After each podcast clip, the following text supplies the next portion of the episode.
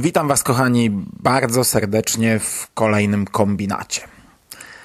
Przed tygodniem było wyjątkowo, ponieważ pierwszy raz miałem przyjemność e, recenzować książkę z Uniwersum Metro 2033.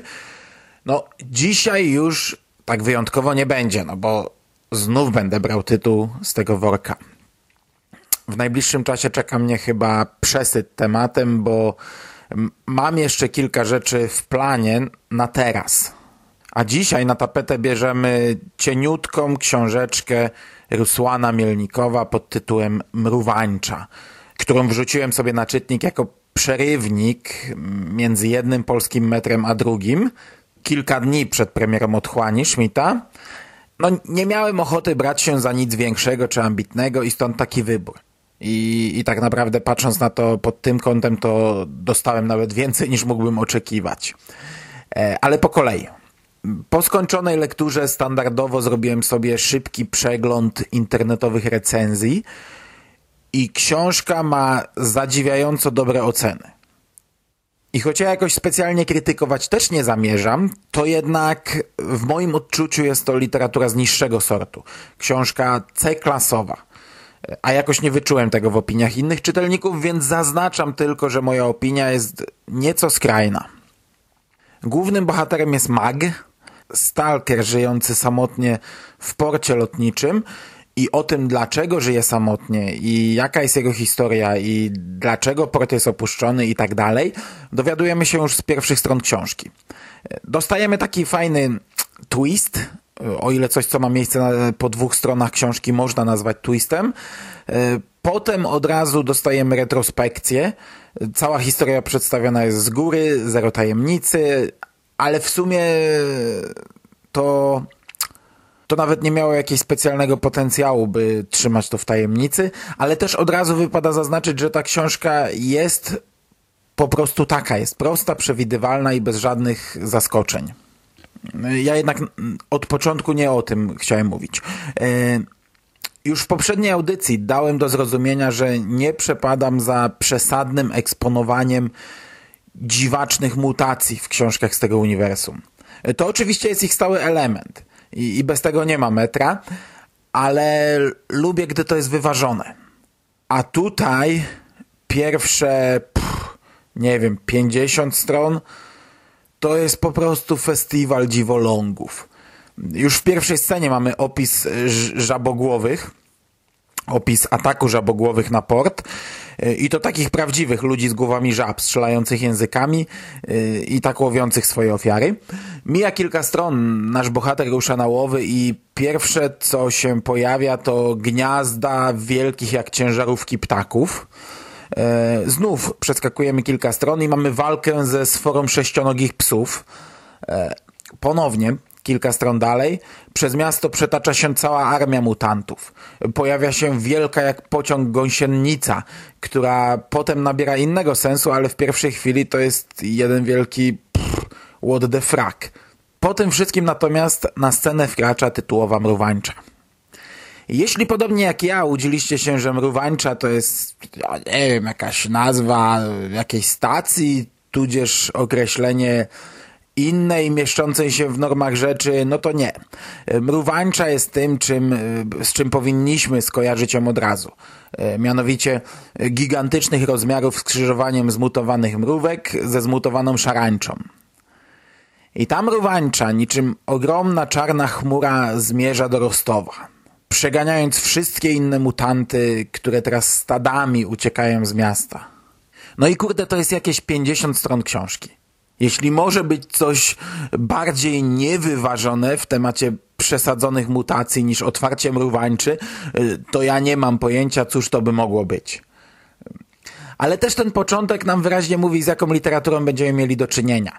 I jak komuś to przeszkadza, no to może w tym momencie odłożyć książkę do czego przyznaję kusiło mnie na tym etapie, ale że nie miałem nic innego na te kilka dni. E, swoją drogą lektura mi się trochę wydłużyła, ale wtedy zakładałem, że zajmie mi dzień maksymalnie dwa. No i skoro nie miałem nic lepszego na ten dzień maksymalnie dwa, to zostałem przymruwańczy. I w sumie nie żałuję, bo ostatecznie to była całkiem przyjemna rozrywka, oczywiście z niskiej półki. Tak naprawdę to nie jest ostatnie słowo Mielnikowa w temacie przedziwnych mutacji, mm, bo w finale zostaje jeszcze uwolniona tajemnicza gadzina. Tysiące potworności nie do opisania, które zalewają wszystkie poziomy podziemnych tuneli, walczą z ludźmi, z mruwańczą i, i w ogóle jest rozpierducha na gigantyczną skalę. Ale powiedzmy, że na tym etapie książki, po tych tam 50 stronach, y, już jesteśmy powiedzmy kupieni przez, przez tego typu historie. Czytelnik, który dotrwał do finału, no to raczej już chyba zaakceptował to, jaka jest ta książka y, i nie wiem jak inni, ale mnie już jakoś finał nie, nie odpychał, ja bawiłem się na nim przednio. To, co najbardziej pozytywnie wpływa natomiast na ocenę tej książki, to jej cała środkowa część.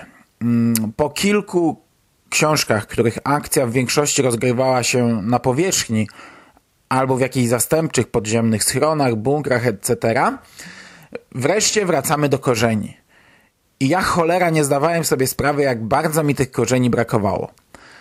Mnie się zawsze cholernie podobał punkt wyjścia dla metra 2033. 20 lat po wojnie atomowej, ludzkość żyje pod ziemią, w ciemności, brudzie, beznadziei, w ciemnych, klaustrofobicznych, ciasnych tunelach.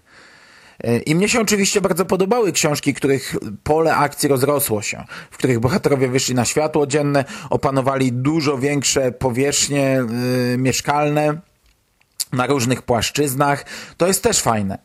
Ale gdy Mielnikow zabrał nas znów do tunelu, to cholera przypomniałem sobie, jakie to jest fajne. Ta część książki jest ogólnie cholernie prosta. W Rostowie jest tylko jedna czerwona linia metra i druga niebieska, którą dopiero zaczęto budować, gdy wybuchła wojna.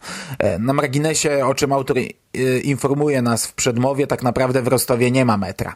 E, I jak sam mówi, jest to najbardziej mm, fantastyczna, część książki, którą napisał. Także mamy tutaj niemal linię prostą. Mruwańcza przebija się z jednej strony, wdziera się do metra, a nasi bohaterowie spieprzają przez nią w przeciwnym kierunku. I, i to jest wszystko. Koniec. To jest tak proste. Oczywiście na kolejnych stacjach próbują się zamurować, zamykać, yy, robić barykady, yy, robić zapory ogniowe, wysadzać przejścia i tak dalej, ale ogólnie rzecz biorąc przez całą książkę bohaterowie spieprzają z punktu A do punktu B. Yy, przy czym to jest opisane dużo ciekawiej niż ten yy, przebajeżony początek. Cały czas czuć y, napierającą na bohaterów ciemność, ciężki klaustrofobiczny klimat. Agresor też atakuje w ciemności, więc znika nam z pola widzenia, no a przez to staje się dużo bardziej znośny. Tak czy inaczej, no ja o tej książce nie powiem więcej, bo to jest po prostu wszystko. To jest literatura niższego sortu, rozrywka na poziomie horrorów z Amberu czy z Phantom Press – wydawanych u nas na początku lat 90., przy czym oczywiście dużo lepiej napisana. Książka, którą czyta się ogólnie bezboleśnie, teoretycznie czyta się bardzo szybko, teoretycznie jest to rozrywka na jeden, dwa wieczory i tej rozrywki ona dostarcza. Ale gdybym miał powiedzieć, komu polecam tę książkę, to nie, nikomu nie polecam. E, chyba, że lubicie to uniwersum i naprawdę nie macie czego czytać i nie przeszkadza wam tego typu rozrywka. Wtedy zabierajcie się za mruwańcze. Can you take me home?